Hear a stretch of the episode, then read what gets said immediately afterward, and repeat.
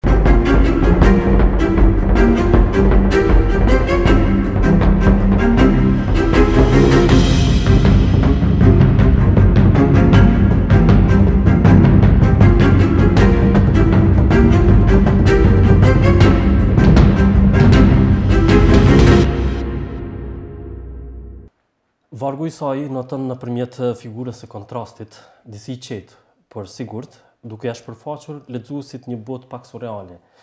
Imazhologjia fluide e heterogjene brenda tekstit poetik ia manifeston erudicionin e saj si autore, ndërsa për këtë është vlerësuar me një gjuhë superlative nga kompetentët. Sot kemi një arsye edhe më të fortë që e kemi të ftuar në kuadër, meqë përmbledhja e saj me poezi e titulluar Nuk janë sytë e mi, S'ka pak ditë që e ka pa dritën e botimit. Të nderuar miq, kësaj radhe kemi nderin ta kemi në studio poeten dhe studiusen Ervina Halili. Ervina, mirë se erdhe. Mirë se ju gjeta, faleminderit për prezentimin. Ë, dua t'ja filloj bisedës duke ju referuar një fragmenti të shkëputur nga ë shënimi i botuesit që hap librin. Ndër të tjera thotë se po citoj, Përmbledhja e propozuar për lexuesin në figuracionin letrar dhe përmasjen e vet shpirtërore lidhet me një udhëtim metafizik të qenies, e cila ka lënë nëpër vendqëndrime të ndryshme për të arritur atë që misticizmi sufi e quan fana. Çfarë mendon je prekur nga sufizmi? Jo, nuk mendoj se jam prekur nga sufizmi. Mendoj që sufizmi në formë shumë si me thonë, besnike ka rujt një copë të platonizmit, ndoshta, edhe e ka manifestu në modalitet jetësor, dhe kështu meqë platonizmi nuk është i gjallë në modalitet jetësor, neoplatonizmi e ka ndryshu paksa dhe ka mbet më shumë në suazat e filozofisë. Sufizmi e ka rujt edhe në suaza të modalitetit jetësor, metafizikës, etikës, jetesës së përgjithshme dhe kështu. Prandaj, Poezia nuk e do shumë teorinë, poezia e do ma shumë narrativën emocionale dhe duke qenë se grupet e ndryshme sufiste tashmë kanë kriju një kulturë të narrativave të etikës qoftë asaj shpirtnore, qoftë asaj sociale, atëhere ndoshta poezia anon ka sufizmi. Kur po them etikë shpirtërore, po e them pikërisht në suazat e kalitjes së shpirtit që e trajton pak a shumë filozofia sufiste. E qartë. Kur flasim për sufizmin në kontekstin e literaturës shqipe, s'mund ta shmangim faktin që këtu megjithatë ka pas një plejadë poetësh, një traditë të sufizmit në poezi. Çfarë mendon për këtë E di që je marrë me kërkime, me hulumtime, me trashëgimi, veçanërisht, a ke pas rastin me, me hulumtu në këtë drejtim? Fatmirësisht po, kjo për arsye se kam pas rastin me hulumtu ma shumë mbi kulturën e cila është mbivendos nga sistemi jugosllav pas luftës së dytë botnore. Edhe duke qenë se një pjesë e trashëgimisë që ne kemi pas para luftës së dytë botërore, mbas luftës së dytë botërore me vënien e mediumeve si propagandistike nga sistemi socialist jugosllav, atëherë shumë prej këtyre, shumë prej kësaj kulture që në një farë forme para luftës së dytë botërore ka qenë ajka e qoftë asaj dijes letrare, po edhe etikës sociale, ndoshta shkolla e vetme që mund të kemi pas në gjuhën shqipe, ani pse ka qenë me alfabet arab ose me alfabet ose si shkrim osman, kështu që Si hulumtim, ka fillu së pari kjo periudha e shkrimtarëve Alamiada ose periudha e shkrimtarëve të cilët kanë shkrujt në alfabet arab, por kanë vargëzu në gjuhën shqipe patjetër. Mos harrojmë që kjo periudhë e letërsisë është këndu ma shumë sesa që është lexu, dhe duke qenë duke pas pikërisht atë traditën e letërsisë tradicionaliste, e cila vargu shkruhet për me u këndu në mënyrë që me u përsërit, në mënyrë që me u trashëgu brez pas brezi e tjerë. Fatmirësisht edhe letërsia shqipe ka pas fatin me pas një, gru, një grup, mos të themi komunitet, po grup të shkrimtarëve të tillë, edhe kulturës së tillë, po, po ashtu nëse flasim në suazat e kulturës edhe um, letërsisë ndoshta popullore, sepse sot dhe asaj dite, muzika e vendeve të ndryshme ku ka qenë ma e prekur nga filozofia sufiste, po qoftë edhe tarikate të ndryshme, ende e kanë rujt kongën me vargje të poetëve të ndryshëm sufi, qoftë nga Elbasani, qoftë nga rajone të ndryshme, edhe pse në ditët e sotme ato lirisht i ndëgjojmë edhe në si kongë të dasmave, ose po. kongë popullore, ose qytetare, e tjere, e tjere.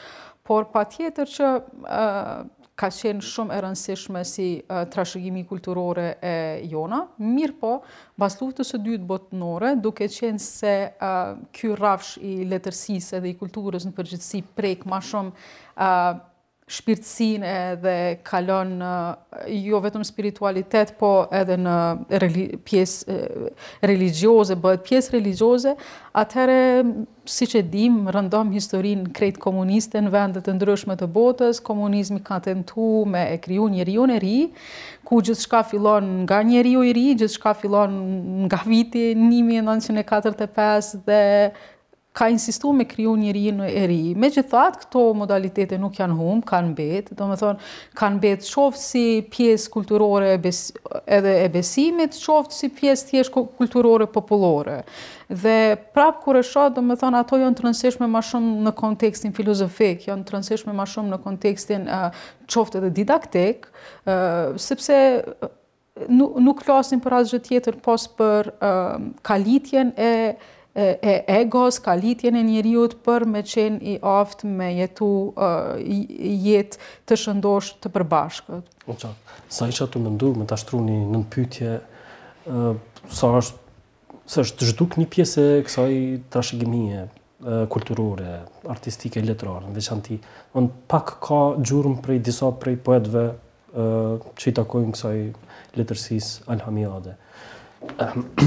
po, ky komenti rreth asaj që ma një pjesë e trashëgimisë është konvertu, me qujt kështu, në muzikë, në muzikë popullore, Nuk jemi shumë të vedijshëm që origjina e shumë prej atyre teksteve vjen prej këtyre poetëve.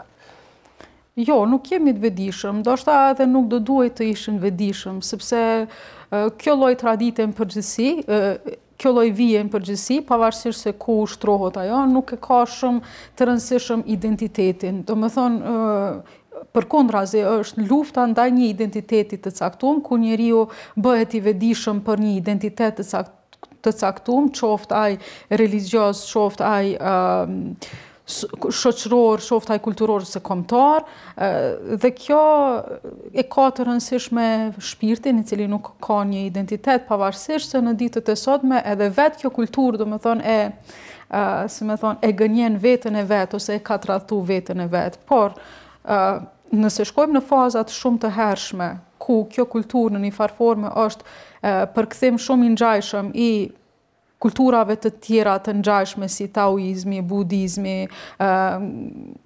kalevala e shumë të tjera, atëherë e shofim që nuk ka rëndësi identiteti, nuk ka rëndësi mbrojtja e identitetit të caktuar, Po ka rëndësi diçka që nuk mund të ketë identitet. E qartë.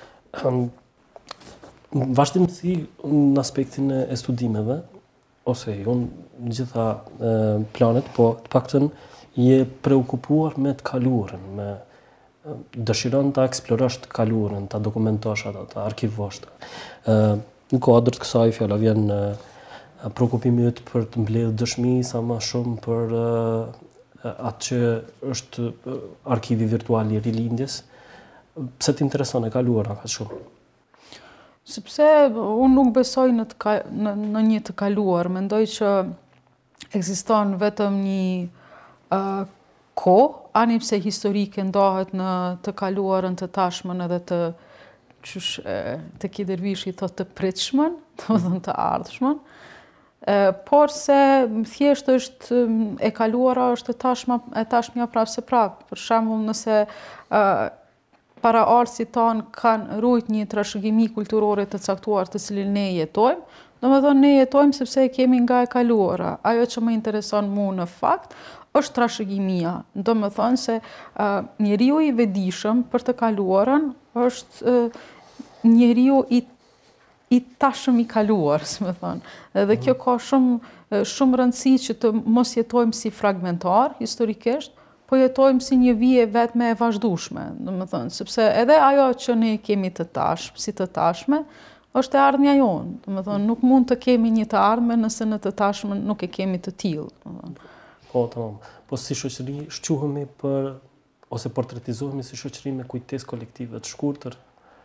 Po pikërisht prej sistemeve të ndryshme të cilat na kanë imponu në një farë forme mbivendosjen. Për shembull na kanë imponu metasisteme të ndryshme edhe ato sisteme të ndryshme, qofshin ato letrare, kulturore, ato janë mbivendosë, domethënë. Por kjo nuk do të thotë që ajo që ka mbet përfundi, domethënë si, si, siç e shpjegon Camaj për shembull palimpsestin, thot, disa murgj të kohës së mesjetës për shkak se kanë jetu në vende të varfra për me e rujt pergamenën e kanë fshi pergamenën me acid bimor edhe mbi pergamenën e kanë shkrujt tekstin e ri, domethënë. Po, po.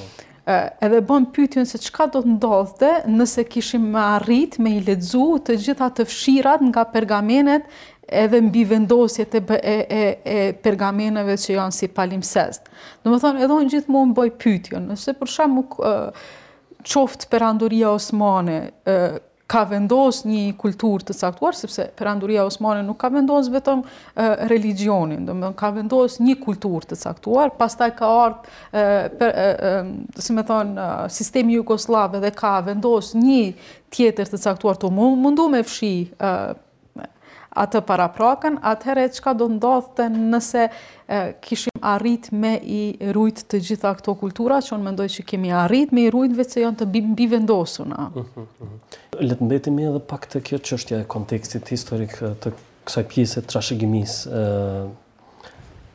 Një pjesë e literaturës, historiografia e jonë të paktën, është e mbushun me Paragjykime me për mos me thanë sajime të pavërteta rreth kësoj pjese të sa të mund kësoj pjese të historisë sa ndikon njëfarë mënyre, sa ka ndiku te, te studimet, te aspekti i studimeve letrare? A, ajo që Mendoj që është shqetësim rreth pyetjes që po bëni, është që romantizm, do romantizimi, domethënë, ne nuk, nuk po arrim ende që të kemi një studim të mirëfilltë objektiv, edhe pse Gjithmonë studimi shkencor është i mangët, sepse është empirik, edhe mbi empirizmin nuk mund të kemi gjithçka që është e mundshme, po të paktën mund të mos romantizojmë situata, fenomene të ndryshme. Edhe me aq sa shoh unë, duhet nevojitet një fenomen i dekonstruksionit në mënyrë që mos të mbushim egot si shoqëri me gjëra të cilat i kemi romantizuar gjithmonë. Qofshin ato fetare, qofshin ato politike dhe historike, figura të ndryshme që kanë kalu nëpër kulturën tonë, që kanë qenë pjesë të rëndësishme të kulturës tonë. Sepse këtu shumë lehtë mund të zhveshim një figurë, sepse sikur jetojmë me ide, idealizimin e asaj figure, sikur jetojmë me idealizimin e atij fenomeni dhe pastaj është shumë e lehtë që ajo të cenohet, është shumë e lehtë që ajo të të lëndohet, sepse në momentin që njeriu zhveshet nga ai idealizim të cilën e percepton, Në momentin që njeriu zhveshet nga ai romantizim të cilit të cilës ia bën ia bën për shembull qoftë besimit të tij, qoftë letërsisë e tjerë, atëherë nuk mbetet aty asnjë vlerë. Dhe kështu do të ishte shumë mirë që ne të ishim më objektivë dhe t'i shihnim gjërat në përgjithësi pa romantizime. Ne për shembull e dimë që letërsia shqiptare ka nis si letërsi e, e angazhuar, në një farë forme prej kohës së Bogdanit kur ne e njohim e deri në periudhën e rilindjes kombëtare, e pas periudhës së rilindjes kombëtare, domethënë letërsisë moderne dhe um, kemi shumë pak domethënë letërsi e cila uh, e cila është letërsi. Tamam mm. letërsi, po, e vërtetë.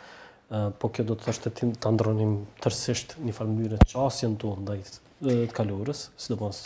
Jo, mendoj që do duhej që t'i rikontekstualizonim gjërat kur studiojmë për të kaluarën, sepse për shembull, nëse rilindja kombëtare ka qenë një lëvizje popullore, ka qenë një lëvizje kombëtare, ku disa intelektualë të diasporës të trevave të ndryshme janë bashku për një qëllim të caktuar, patjetër që ajo letërsi duhet të ishte letërsi për vetëdijesimin e popullatës, për vetëdijesimin e një grupi, e një e një komuniteti për rëndësinë e kombit. Kështu që ata ishin të vetmit njerëz të cilët mund të ishin edhe politikanë, të cilët mund të ishin edhe gazetarë, edhe publicistë në një farë forme, ishte e nevojshme që ata të ishin. T'i luanin disa role. Por në ditët e sotme, punët janë të deleguara, domethënë që politikanin e bën politikani, njeriu i kulturës e bën e, e bën kulturën, sepse po aq sa është e rëndësishme ajo, është e rëndësishme edhe kjo tjetra. Dhe prandaj në vend se e, ta dekonstruktonim kështu në një sens ndoshta shkatërrimtar, do të ishte mirë ta respektonim, E, ta venim në kontekst, por ta analizonim në kontekst, jo ta analizonim për shembull letërsinë e një periudhe të caktuar dhe të frymëzoheshim nga ajo letërsi që të krijonim një letërsi në kohën e tashme, sepse jetojmë në rrethana të tjera. E qartë, ashtu do t'i binte ta ridizajnonim për arsye tjera, ideologjike, politike, ose Po, mandej, letërsia vetë, po, domethënë, është rrjedhë, nuk do duhej të ishte, nuk do duhej të ishim ne të frymëzuar nga asnjë letërsi e periudhave që nëpër të cilat kemi kalu, po do duhej të ishte ajo rrjedhë, domethënë, na do duhej t'i bashkoheshim rrjedhës në letërsi. Dhe mendoj që kjo mjafton. E, shumë e saktë. T'iu, t'u kthehemi librave që i keni shkruar, më duket se njëri prej elementeve dalluese të poezia që e kultivoni ose të vargu, ai duket që vjen më i kursyer, jo në kuptimin e volumit, po kuptimin e fjalëve të përdorura, domethënë jo në kuptimin e figuracionit.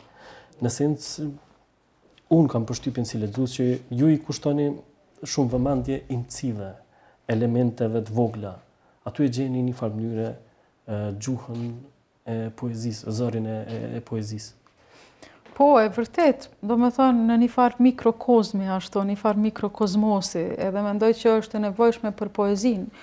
Varet edhe se si të vjen poezia organikisht, sepse poezia nuk është vetëm një proces shkrimi intelektual, po është edhe një, um, është edhe një fenomen Brenda njeriut që është psikologjik, po edhe shpirtëror, po i dalloj këto dyja për shkak të konceptit të psikologjisë moderne, edhe do duhej që thjesht nëse njeriu sheh imtësisht, atëherë imtësisht ka me qenë edhe poezia, dhe nëse njeriu sheh në plan më të gjërë, atëherë edhe poezia do të jetë ashtu, mendoj.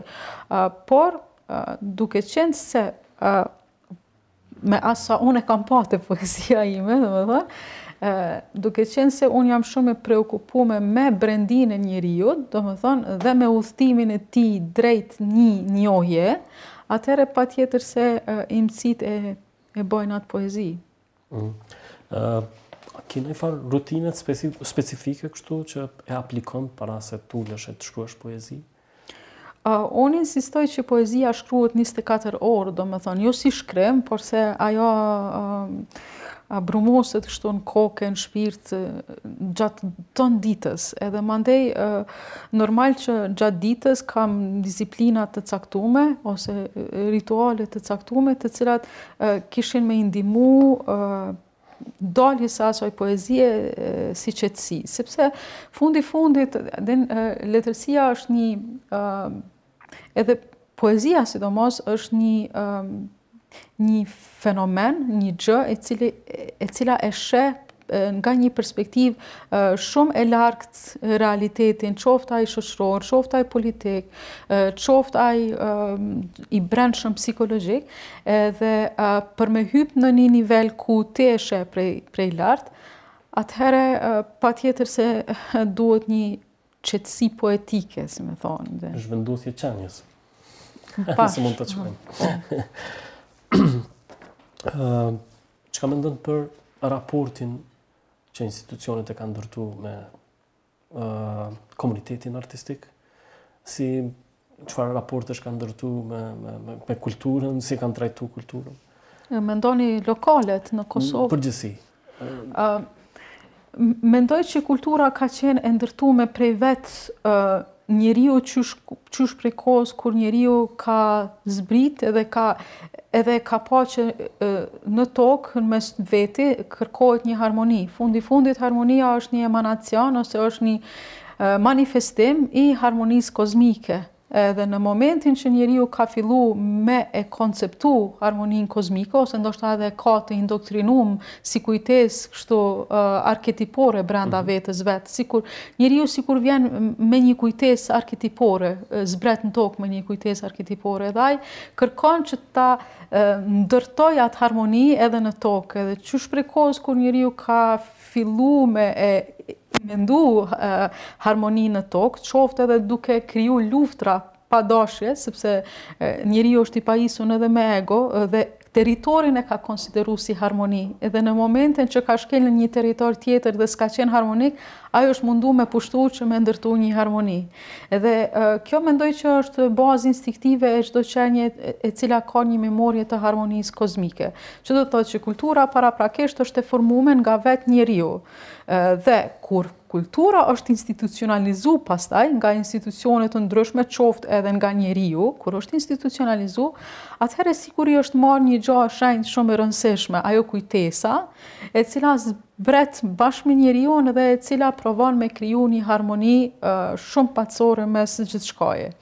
Kështu që mendoj që në ditët e sotme, kur kultura është shumë e institucionalizume, ajo sikur është më shumë intelektualitet i arsyes, domethënë intelektualitet material, se sa ose intelekt ndoshta material, logjik, se sa që mund të jetë një rrjedhë organike e ndërtimit të asaj harmonie, që ka copa të ndryshme, domethënë, muzika, ushqimi, poezia, edhe gjithçka tjetër, vallëzimi, është institucionalizu. Edhe si e institucionalizume, ajo është shumë e lehtë me u orientu, domethënë, me u kontrollu.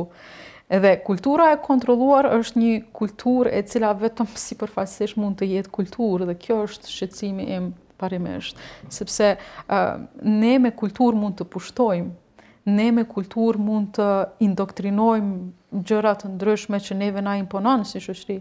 Ne me kulturë mund të bëjmë gjithçka. Ndoshta bile edhe kultura është grepi ma i përshtatshëm për me për me e pushtu në forma të ndryshme se sa të pushtohet ma me armë. Kuptohet. Ë a i frikësohet kultura një lloj mekanizmi të tillë, një lloj trajtimi të tillë? A mendoj që kultura sikur është kop nga ai mekanizëm edhe i kopuri sikur është sikur ai peshku në një akvarium që nuk e din se mund të jetë edhe diku tjetër. Por, ka individ brenda kësaj kulture që unë ma shumë do ta quaja një Metakulturë, me shumë shtresëzime, shumë paradigma poshtë, ka individë të cilët në ditët e sotme, për shembull mund të quhen dekonstruktivist, mund të quhen shkatërrimtar, mund të quhen, si me thonë, ekscentrik, e tjerë, të cilat nuk arrijnë ta pranojnë, si me thonë, pushtimin e, e kulturës nga institucioni. Derisa edhe vetë kultura është bo institucion në vete, domethonë, por mendoj që, megjithatë, kultura duke pas individ të tillë, prapëseprapë ka me mbijetu, mendoj, si kulturë. Um, të dalim te realiteti ynë, Besoj që ke vënë re shumica prej librarive tona, sidomos këtu në kryeqytet. Pak ekspozojnë prej librave të autorëve vendorë. Të krijohet përshtypja sikur edhe vetë institucionet e kulturës këtu njëfarë mënyre më shumë e kanë luftu ndoshta në mënyrë të pavetëdijshme kulturën sesa që kanë ndihmu, sidomos letërsinë. më pëlqen shumë në një intervistë Adem Demaçi thot ne flasim keq për kapitalizmin. Porse ne nuk e kemi nuk e kemi pas nuk e kemi mrri asnjëherë kapitalizmin. Ne nuk e kemi mrri asnjëherë borgjezinë ose ne nuk e kemi mrri shumë sisteme për të cilat ne flasim. Dhe kjo është mirë në njëfarë ane, domethonë sepse ne nuk kemi pushtuar asnjëherë. Që do të thotë se uh, nëse në vendet e mëdha të, të sotme evropiane ka shkrimtarë të mëdhenj, ka shkrimtarë që kanë marrë çmime të mëdha, ka muzicienë të mëdhenj, ka filharmoni të mëdha, ato janë bo uh, duke i mundu në njëfarë forme një shtresë e cila ka punu për ta. Do të thotë që um, Nji artist real nuk ka qenë artist, por ka bo punën e nji nji baroni i cili pastaj ka botu nji libër ose ka ka shfaq nji ekspozitë etj etj. Në njifarë forme bazamenti i qytetërimit evropian, ndoshta nuk po bëj keq që them, sepse s'jam vetëm unë që e kam thënë, është bo në në shpinën e shumë skllevërve. Edhe ne nuk kemi nuk jemi nuk jemi një shoqëri e tillë, domethënë ne ne si kulturë nuk kemi pas tamam nuk kemi pas skllevër që të na ndërtojnë atë që me të cilën sot ushqehet Evropa ose vende të ndryshme.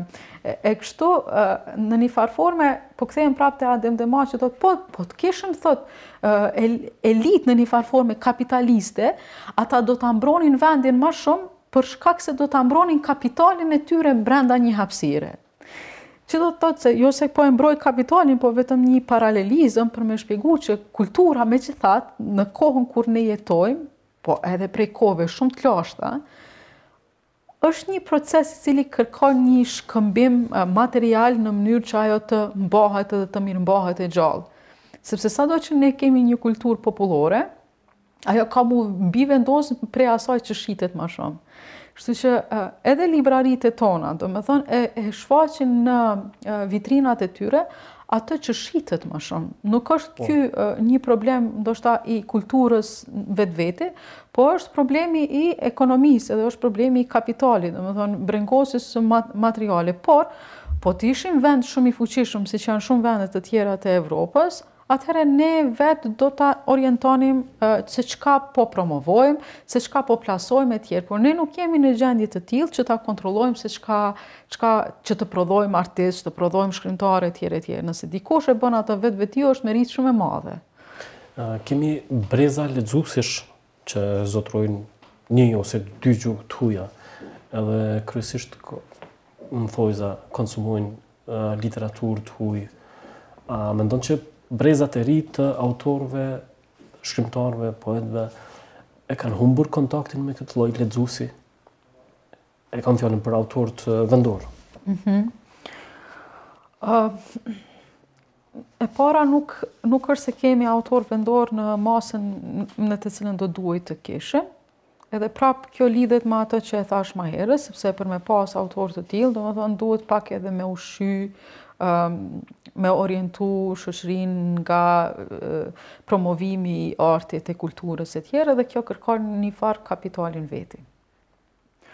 Ndërsa individi si individ vetvetiu nuk mundet me u promovu në kohën e sotme kur jemi përballë një teknologjie, një masivi të madh të portaleve etj etj.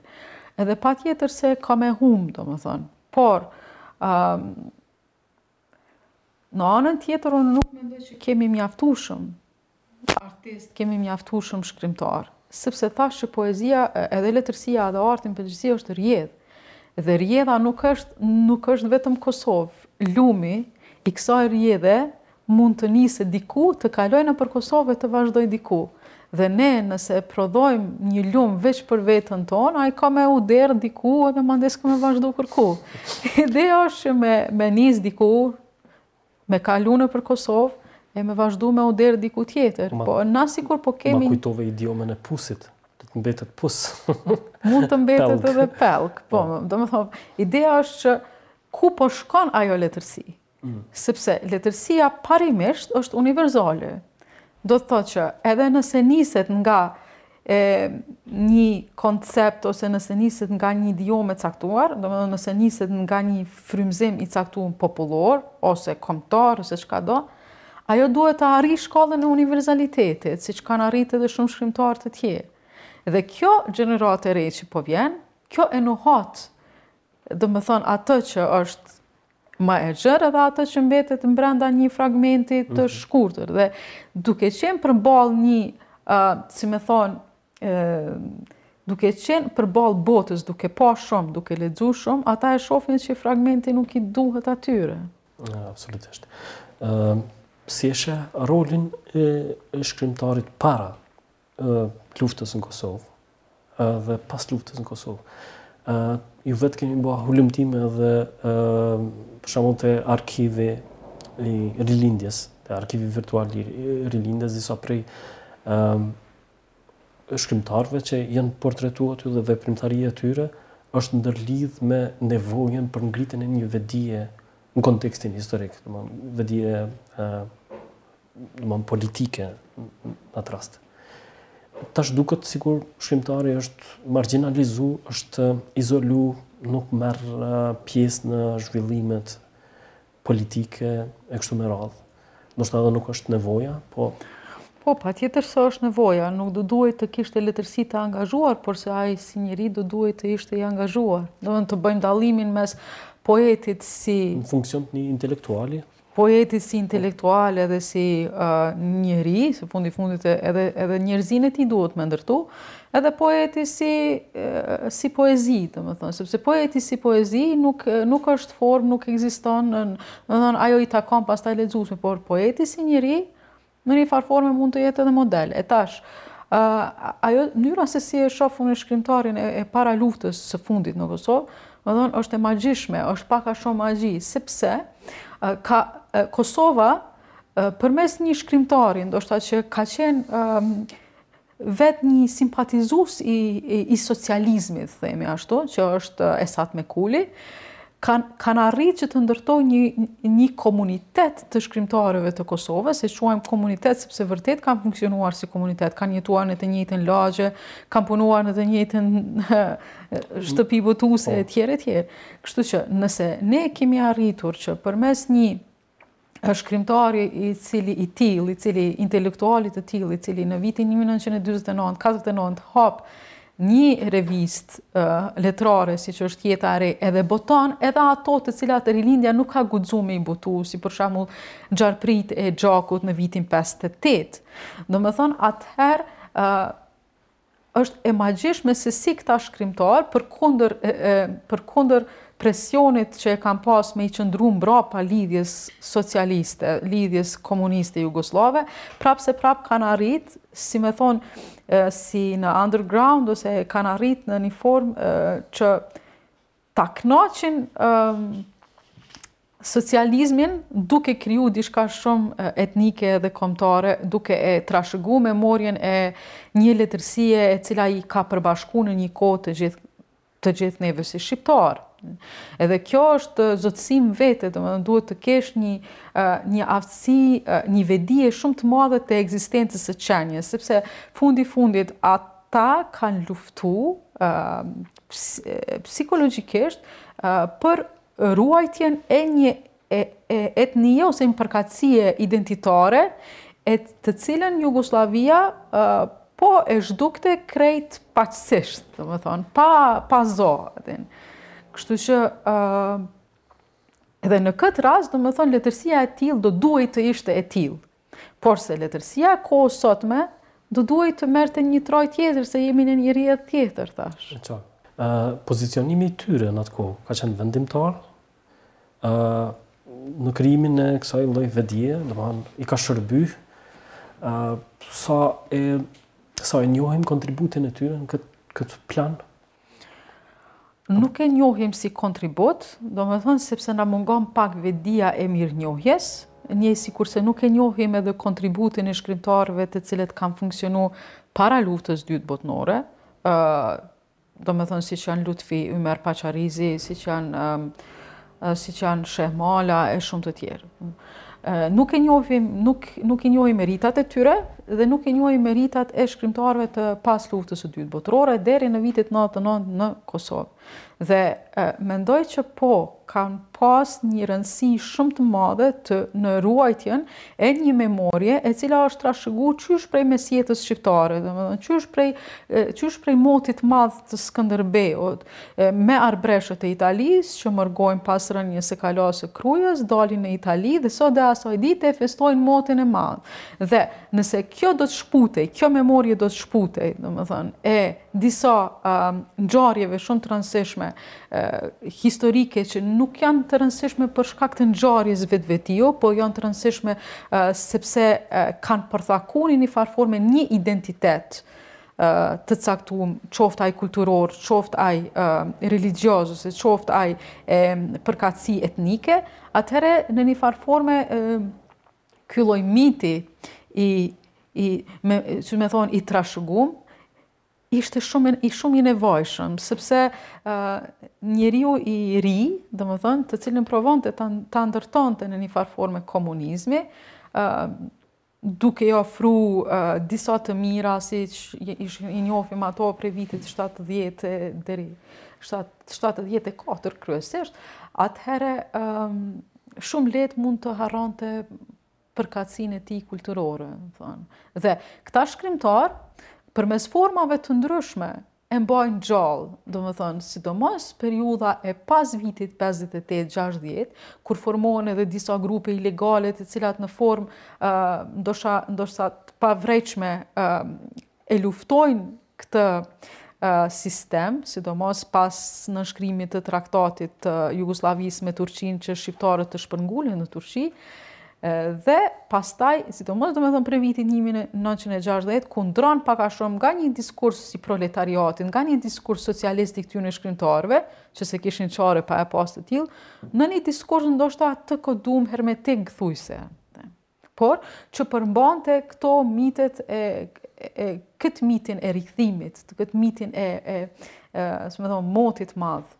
këtë mitin e që që e e bën të gjallë në një farë forme rilindja kombëtare, e riaktualizon, domethënë, nga mesjeta e kthen, e riaktualizon rilindja kombëtare, qoftë me Naimin, qoftë me poetët e tjerë. Domethënë. Dhe nëse ne arrim në Rilindjen tonë të sistemit si, si, si pjesë, si organ i lidhjes socialiste jugosllave, nëse ne arrim që të ndërtojmë brenda një cenzure dhe brenda kodeve të caktuara të prekim këtë memorie, atëherë kjo ishte sukses shumë i madh, sepse fundi i fundit, pas luftës së dytë botërore, ne e dim domethënë historikun, në vitin 1945 hapet Rilindja, që do të thotë që intelektualët bazë nuk ishin politikanë, nuk ishin, nuk ishin një kastë politikane, ishin njerëz të publicistikës, njerëz të akademisë, pak a shumë që ende s'ishte formu, sepse s'kishte as akademi. Kështu që i mbetej kësaj, kësaj klase intelektuale që kryesisht ishin shkrimtarë të merreshin me këtë punë. Um, po, a mendoj që ta kishim vazhduar edhe për orë tëra bisedën, do të kishim çka të flasim. Uh, Unë të falënderoj sinqerisht që ke gjetë kohën për këtë intervistë. Shpresoj edhe herave tjera t'ju kemi këtu në kuadër. Unë ju uroj shumë për këtë platformë edhe këtë formë të bisedës, se ishte shumë knatësi.